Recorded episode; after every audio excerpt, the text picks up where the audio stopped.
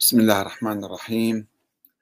والحمد لله رب العالمين. والصلاة والسلام على محمد وآله الطيبين. ثم السلام عليكم أيها الأخوة الكرام ورحمة الله وبركاته. نتابع فيما يلي آه، حلقات كتاب استراتيجية الرسول الأعظم صلى الله عليه وآله في الدعوة للإسلام. الحلقة الثامنة عشرة. آه، الفصل التاسع من الباب الأول العقائد النصرانية عشية ظهور الإسلام. آه، جيم هل صلب المسيح ولماذا يقال أنه صلب؟ سأحاول في هذا المبحث أن أستعرض قصة صلب يسوع المسيح من خلال الروايات المسيحية وأنظر في في مدى قوة الرواية من وجهة نظر مسيحية وتاريخية. وأحاول أن ألاحظ مدى ارتباط فكرة الصلب بالموروث اليهودي التراث اليهودي العهد القديم يعني وموقع هذه الفكرة من العقيدة المسيحية. لقد لاحظنا في المبحث السابق أن فكرة ولادة يسوع من عذراء لم تكن متماسكة بما فيه الكفاية في الرواية المسيحية بل كانت متناقضة وضعيفة حيث كانت بعض الروايات تقول بأن الملاك نزل عليها وأخبرها بالحمل بينما كانت روايات أخرى تتجاهل قصة الملاك وتقول بأن مريم لم تعرف كيف حملت وأن خطيبها يوسف النجار شك في أمرها وأراد تسريحها وتركها. وأنه رأى حلما يخبره بأن حملها تم بواسطة الملاك. ومع ذلك فقد شك كهنة إسرائيل بروايتهما رواية مريم ورواية آه، يوسف النجار. وقد دعمت الرواية المسيحية عن عذرية مريم أو دعمت برواية بنص يهودي قديم من أشعية يقول بأن المسيح يولد من عذراء وهذا أيضا في كلام أنه ترجمة صحيحة ولا خطأ آه، أنه يولد من آه، بتول أو من عذراء أو من فتاة. البعض يترجم يقول أنه لا كان لعب في الترجمة. المهم بينما رفض الكهنة المصادقة على ولادة يسوع من عذراء واتهموا أمه مريم بالزنا وبالطبع لم يعترفوا بعد ذلك بأن يسوع هو المسيح. وبالرغم من احتواء التراث اليهودي على نبوءات أخرى حول فكرة المخلص وصلبه وقيامه من بين الأموات وارتفاعه إلى السماء وهو ما شكل العمود الفقري للعقيدة المسيحية. إلا أن اليهود رفضوا تطبيق تلك النبوءات على يسوع بل سعوا بأنفسهم لإعدامه. باعتباره مسيحا كاذبا أو دجالا. آه، فإذا نحن نسأل الآن حول آه، صلب المسيح. هل فعلا صلب حسب الرواية المسيحية والرواية التاريخية؟ هناك من يشكك بأساس وجود يسوع المسيح في التاريخ مثل الباحث الأكاديمي الأسترالي رفائيل لاتيستر. أستاذ الدراسات الدينية في جامعة سيدني الأسترالية. وذلك كما يقول بسبب غياب المصادر الأولية وتأليف تلك المصادر بعد عقود على الحوادث المفترضة وأنها من نسج كتاب مسيحيين متلهفين على إشاعة المسيحية. ويقول لاتستر إن من كتبوا النصوص الدينية المسيحية وسيرة المسيح لا يذكرون أسماءهم أو يقدمون مؤهلاتهم أو يمارسون أي نقد لمصادرهم الأساسية التي هي الأخرى لا يأتون على ذكرها. وأن هذه النصوص المليئة بالمعلومات الأسطورية وغير التاريخية والتي أخضعت لكثير من التنقيح والتحرير بمرور الزمن يجب أن لا تقنع المنتقدين بتصديق حتى أبسط ما يرد فيها. ويقول الأكاديمي الأسترالي في مقاله الذي نشرته صحيفة واشنطن بوست أن رسائل بولس التي كتبت قبل أن تكتب تعاليم المسيح وسيرته لا تعطينا سببا للإعلان عقائديا بحتمية وجود المسيح. فإن بولس إذ يتجنب حياة المسيح الدنيوية وتعاليمه رغم أن هذه كان آه، كان من الجائز أن تخدم دعوته. كان لا يتحدث إلا عن مسيحه السماوي بولس آه، لا يتحدث إلا عن مسيحه السماوي وليس الأرضي وحتى عندما يتناول بولس قيامة يسوع المسيح والعشاء الأخير فإن مصادره الوحيدة التي يشير إليها هي ما نزل عليه من الرب وما استوحاه مباشرة من العهد القديم. بل إن بولس يستبعد المصادر البشرية من حديثه. ويلاحظ لاتستر عدم وجود إفادات شهود عيان أو معاصرين للمسيح. بل كل ما لدينا هي روايات لاحقة عن الأحداث التي وقعت في زمان حياة المسيح. مصادرها ليسوا شهود عيان وغالبيتهم منحازون بصورة واضحة على حد تعبيره. ولا يمكن جمع شيء يذكر من المصادر غير التوراتية وغير المسيحية.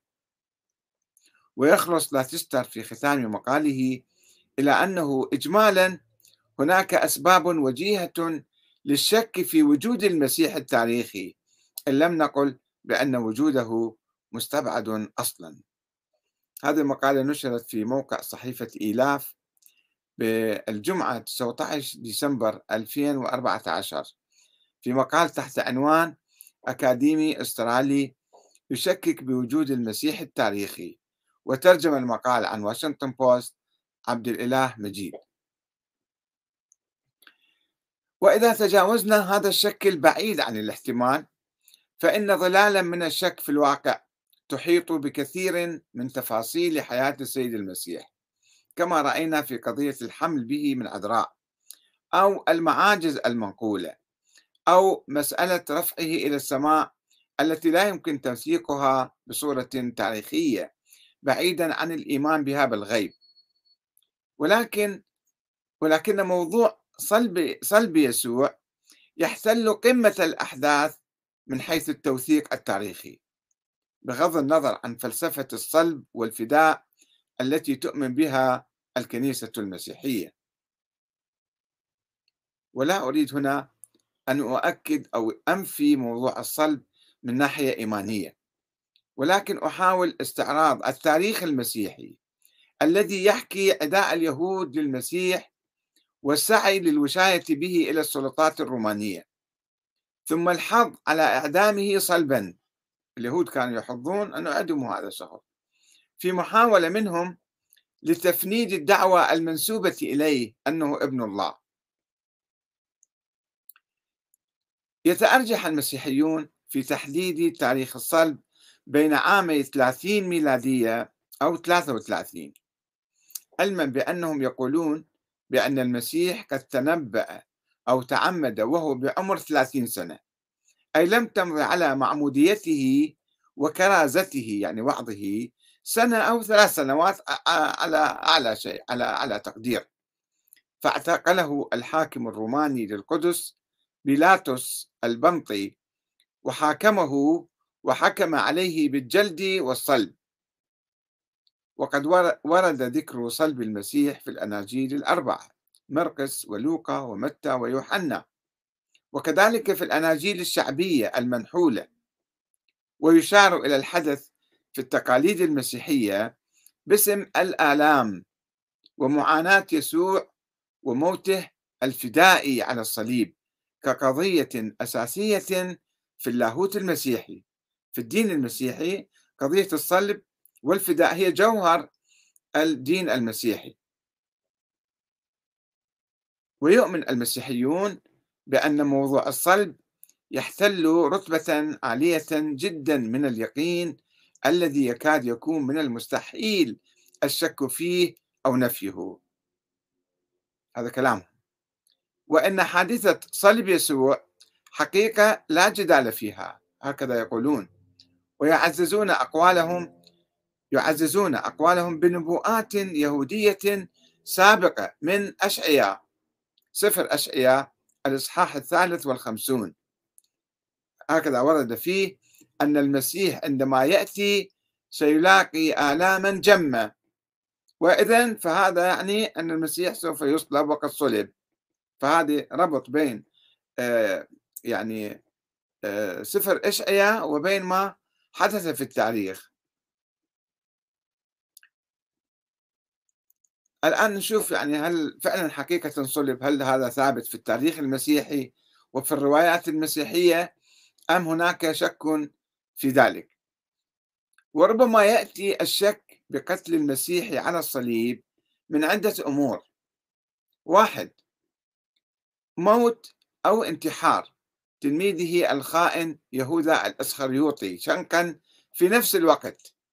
كما يقول إنجيل متى 27 آه، إصحاح 27 من 3 إلى 10 إذا في يعني يمكن واحد آخر آه، أعدم في مكانه في مكان يسوع.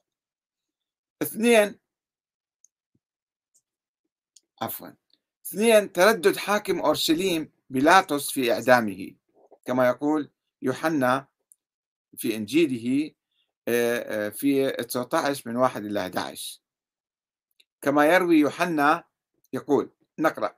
وخرج بيلاطس ثانية إلى اليهود وقال لهم لا أجد سببا للحكم عليه ولكن العادة عندكم أن أطلق لكم سجينا في عيد الفصح. أتريد أتريدون أن أطلق لكم ملك اليهود؟ فصاحوا لا تطلق هذا بل بارباراس. أو باراباس. أطلق باراباس مكان ذاك. وكان باراباس لصا فأخذ بيلاطس يسوع وأمر بجلده.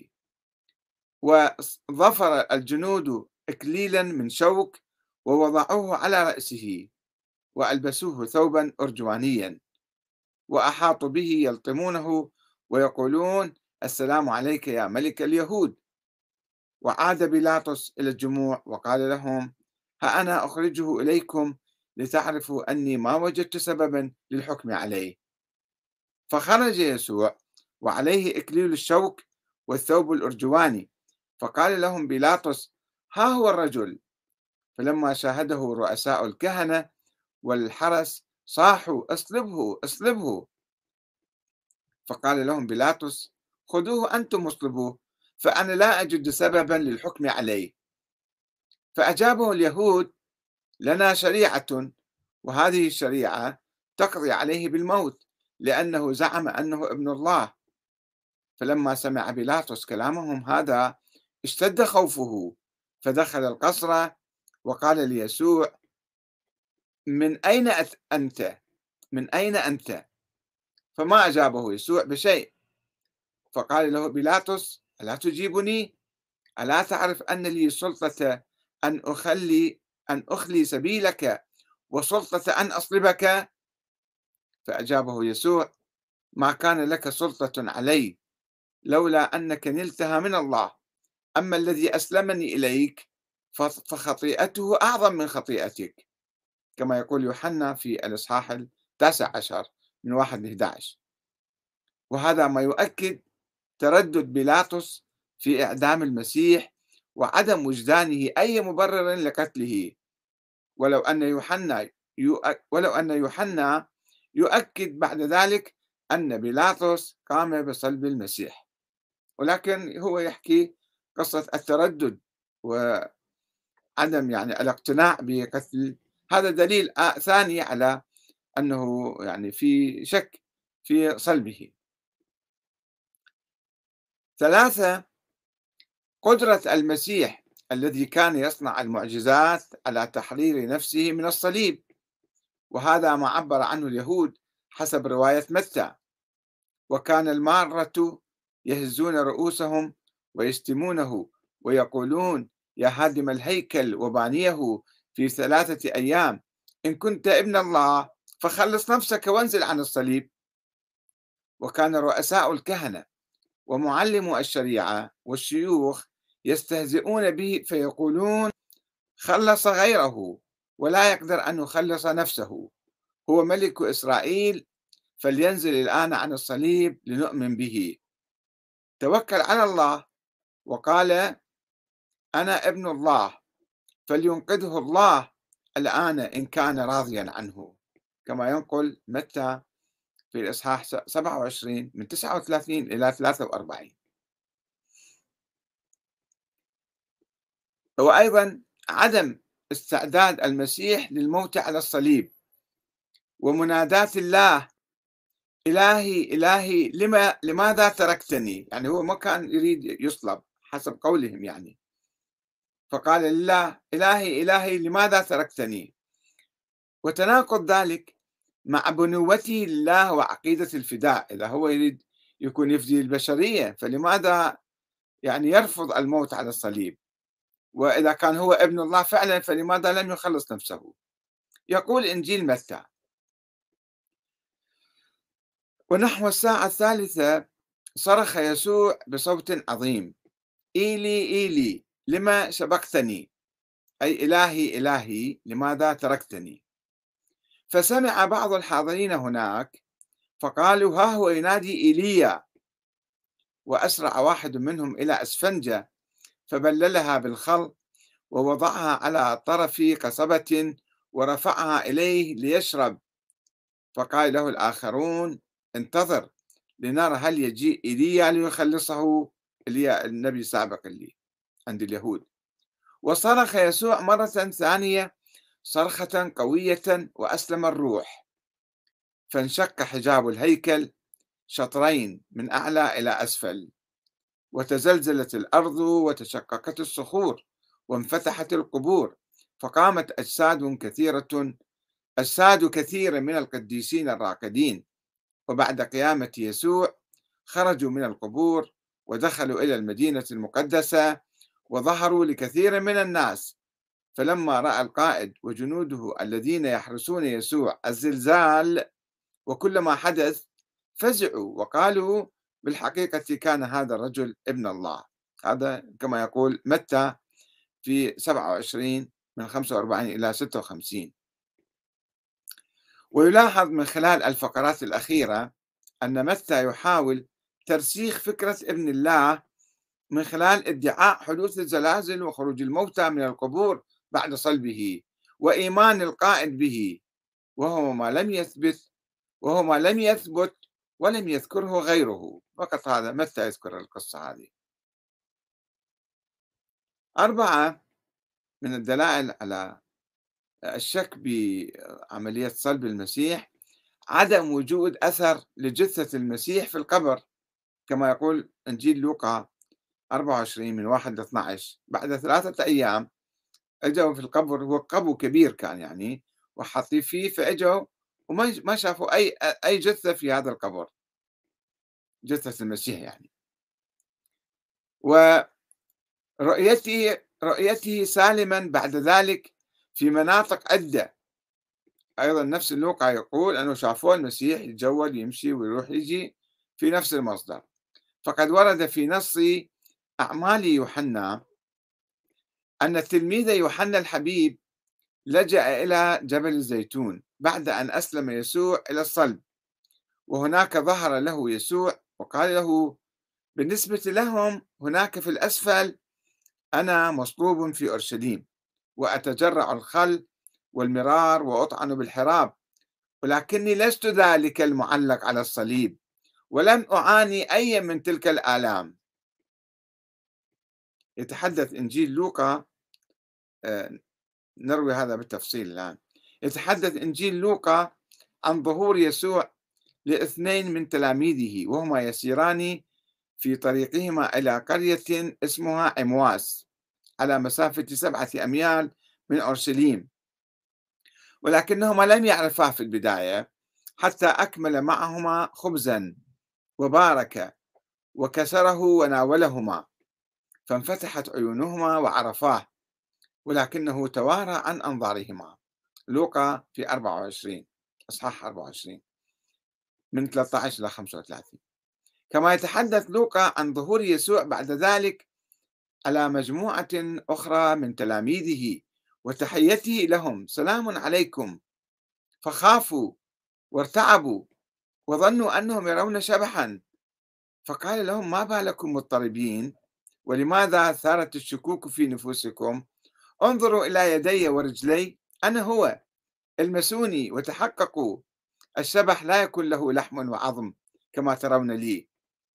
قال هذا وأراهم يديه ورجليه ولكنهم ظلوا غير مصدقين من شدة الفرح والدهشة.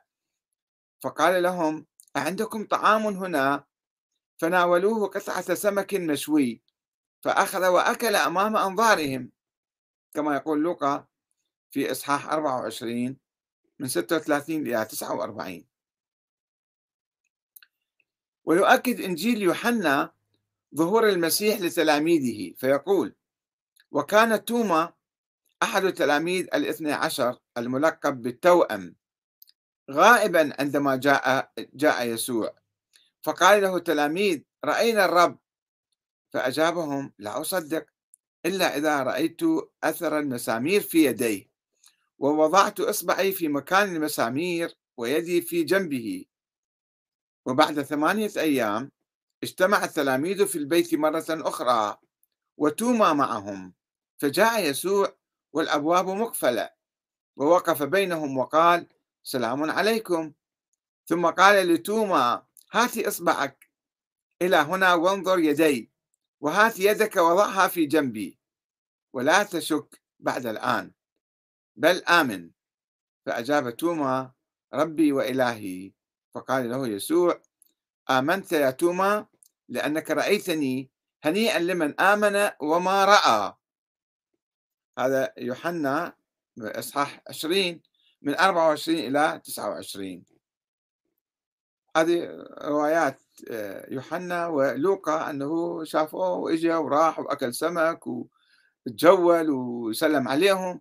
يعني ما كان مقتول ولكن المسيحيين يفسرون مشاهدة المسيح بعد عملية الصلب الافتراضية اللي هم يقولون أنه تمت وحدثت.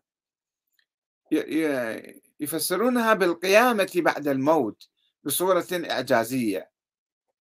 إلا أن الباحث المحايد قد يتخذ ذلك دليلا على عدم صلب المسيح أساسا واستبداله بيهوذا مثلا. يهوذا الاسخريوطي اللي منافق كان. فإذا هذه بشهادات المسيحيين وبأناجيلهم يوحنا ولوقا أنه المسيح يعني كان موجود بعد ذيك العملية. هم يفسرون أنه قام لكن إذا ما افترضنا مسألة القيام أو ما صدقنا فيها يعني أنه المسيح لم يصلب. خمسة نفي فرقة من المسيحيين هم الغنوص الغنوصيون. نفيهم موت المسيح على الصليب. هاي فرقة كانت ترفض. وإيمانهم بإلقاء شبه يسوع على شخص آخر صلب في مكانه. وقولهم إن موته قد شبه للناس الذين ظنوا أنهم يرون المسيح مصلوبا. وما هو بالمصلوب؟ مو هو اللي انصلب واحد ثاني. وإن موت المسيح قد تراءى للناس وما هو بالحقيقة الفعلية. كما ينقل عن هؤلاء الدكتور فراس السواح في الإنجيل برواية القرآن صفحة 131 وطبعا إذا إحنا أخذنا تردد جمعنا كل الأدلة مع بعض تردد بيلاطس وشافوه بعدين وواحد آخر لقوه ميت بمكانه أو مصلوب فهاي كلها تتجمع ونشوف النقاط الأخرى. ستة وقد ورد في أحد نصوص نجع حمادي المعروف لقوها بعدين في منطقة اسمها نجع حمادي أن آه، المعروف بعنوان أطروحة شيت الكبير. على لسان يسوع. فاعلم. إذا أني لم أسلم لم أسلم إلى أيديهم كما ظنوا ولم أتألم أبدا. لم أمت في الحقيقة وإنما في المظهر فقط. لم أتجرع الخل والمرار كما رأوني أفعل بل هو شخص آخر. لم أكن من ضربوه بالعصي. بل هو شخص آخر. لم أكن من وضعوا أكليل الشوك على رأسه بل هو شخص آخر. لقد سخرت في الأعالي من جهلهم ومن تبجحهم.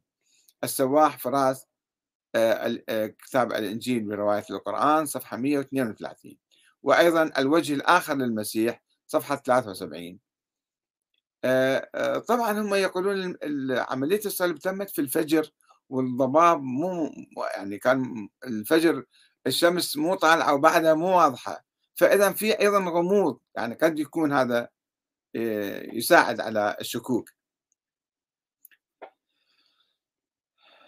إذا هذه ست نقاط تدعونا إلى الشك في الحقيقة بصلب حسب الروايات المسيحية حسب الروايات التاريخية. ولكن نجي أنه لماذا يصر المسيحيون على موضوع الصلب؟ لأن الصلب مرتبط بعقيدة الفداء اللي هي هذه العقيدة جوهر اللاهوت المسيحي. ارتباط عقيدة الفداء بالصلب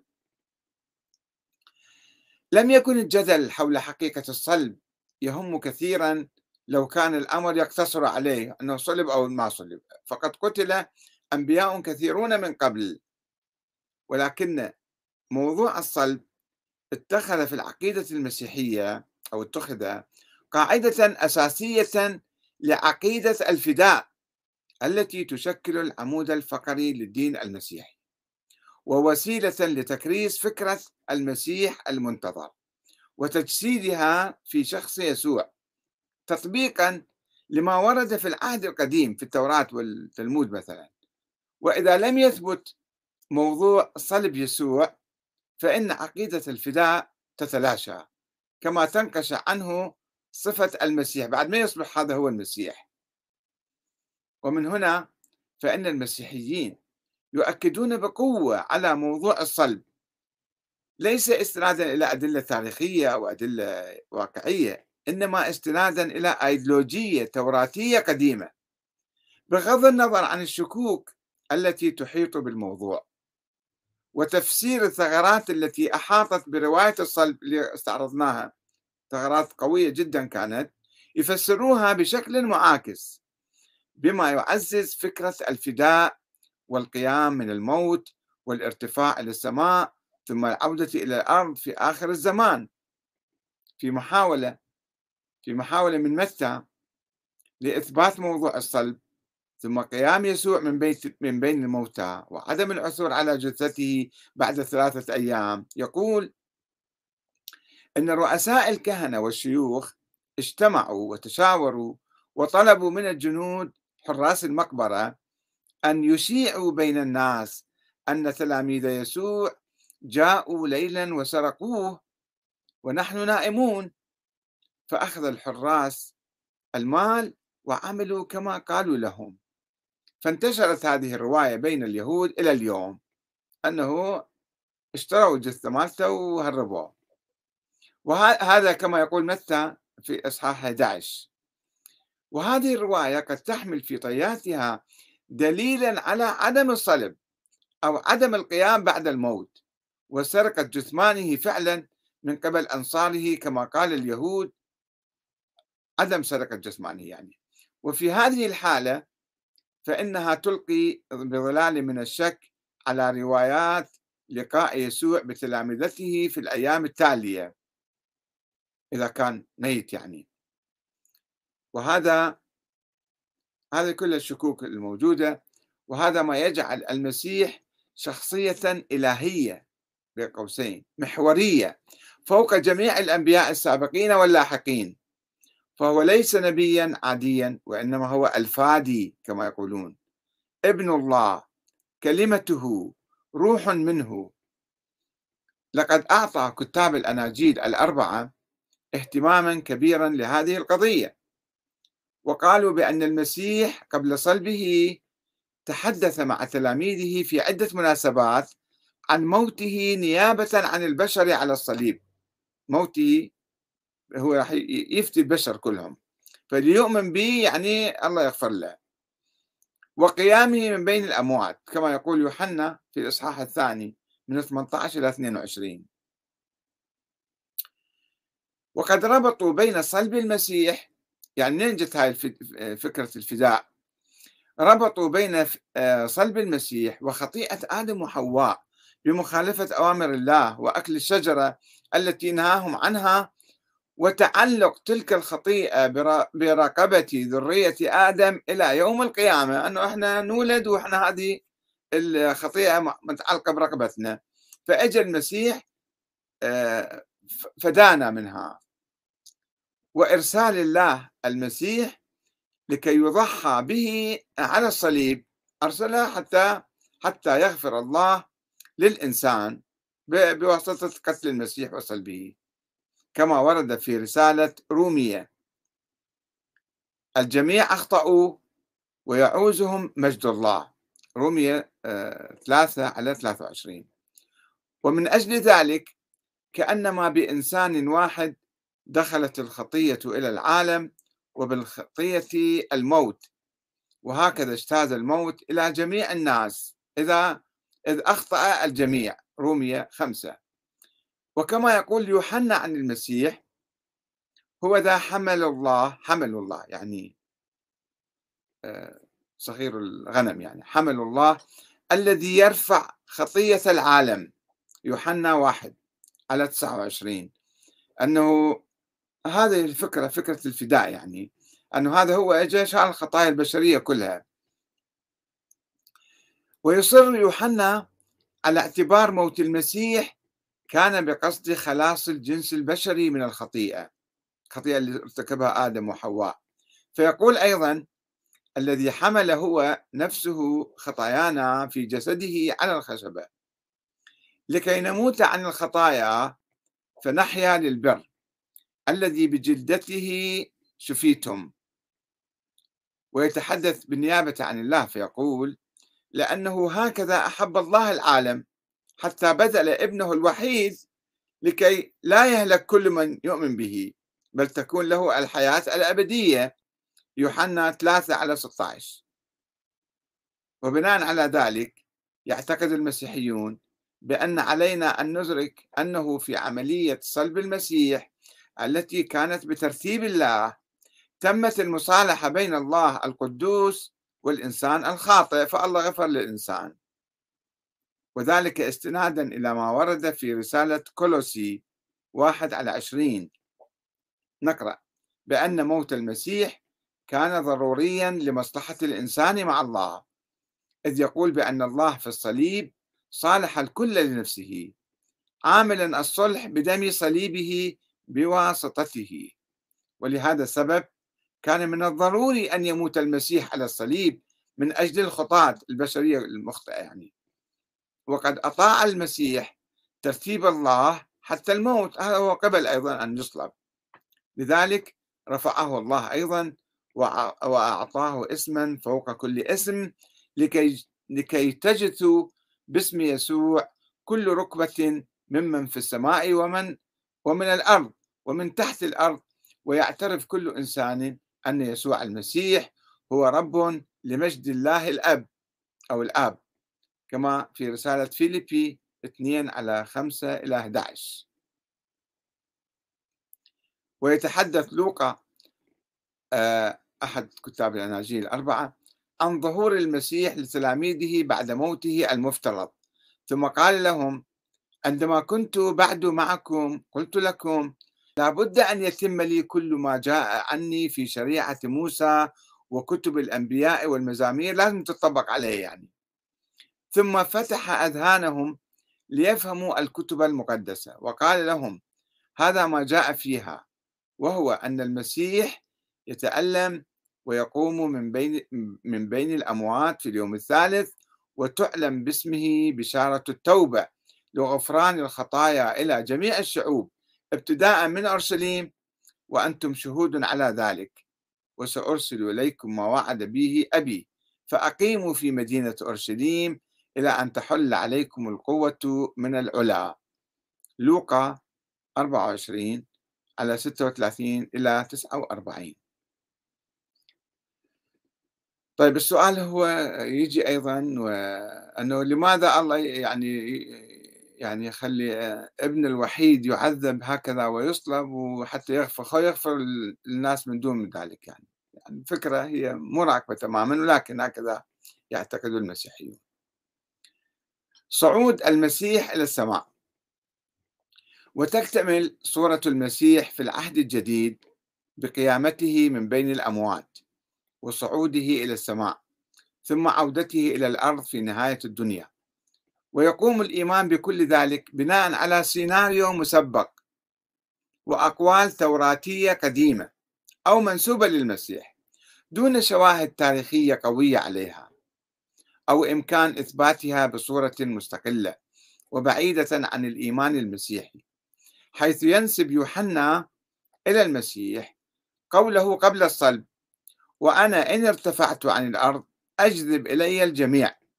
يوحنا إصحاح 32 على 12 ويضيف لوقا ثم خرج بهم إلى بيت عنيا ورفع يديه وباركهم وبينما هو يباركهم انفصل عنهم ورفع إلى السماء فسجدوا له ورجعوا إلى أورشليم وهم في فرح عظيم. وكانوا كل حين في الهيكل يباركون الله. لوقا آه، إصحاح 50 من 24 إلى 53 منذ الآن يكون ابن الإنسان جالسا عن يمين قوة الله. لوقا آه، إصحاح 69 على 22 أن أيضا تكملة للفداء أنه ارتفع إلى السماء. عودة المسيح إلى الأرض. كما قلنا قبل قليل يعتقد المسيحيون في عيسى المسيح أنه يتميز عن سائر الأنبياء. وأنه الذي سيحاسب الخلق يوم القيامة عند عودته إلى الأرض. كما يقول متى؟ نقرأ. وحينئذ تظهر علامة ابن الإنسان في السماء. هو المسيح مرة يسموه ابن الإنسان مرة يسموه ابن الله.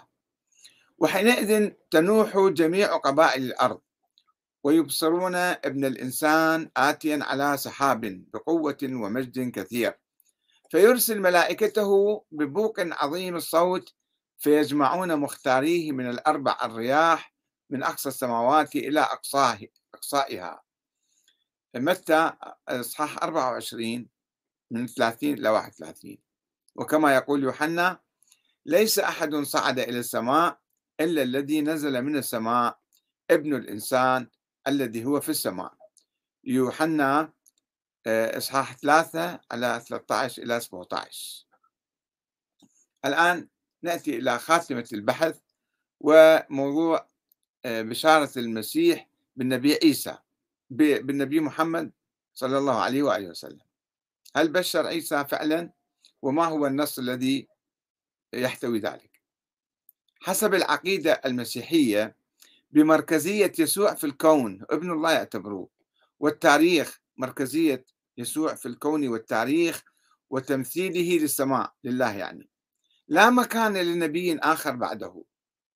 ومع ذلك فقد وردت في إنجيل يوحنا عدة أقوال ليسوع تبشر المؤمنين بشخصية ترسل من قبله وتتابع عمله وتمكث مع تلاميذه وأتباعه وتدعى بالباراكليط باراكليتوس باليونانية.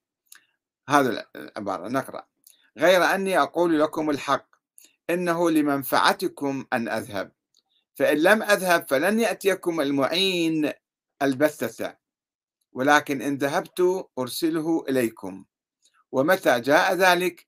يقدم للعالم دليلا يقدم للعالم دليلا مقنعا على الخطية وعلى البر وعلى الدينونة يوم القيامة يعني.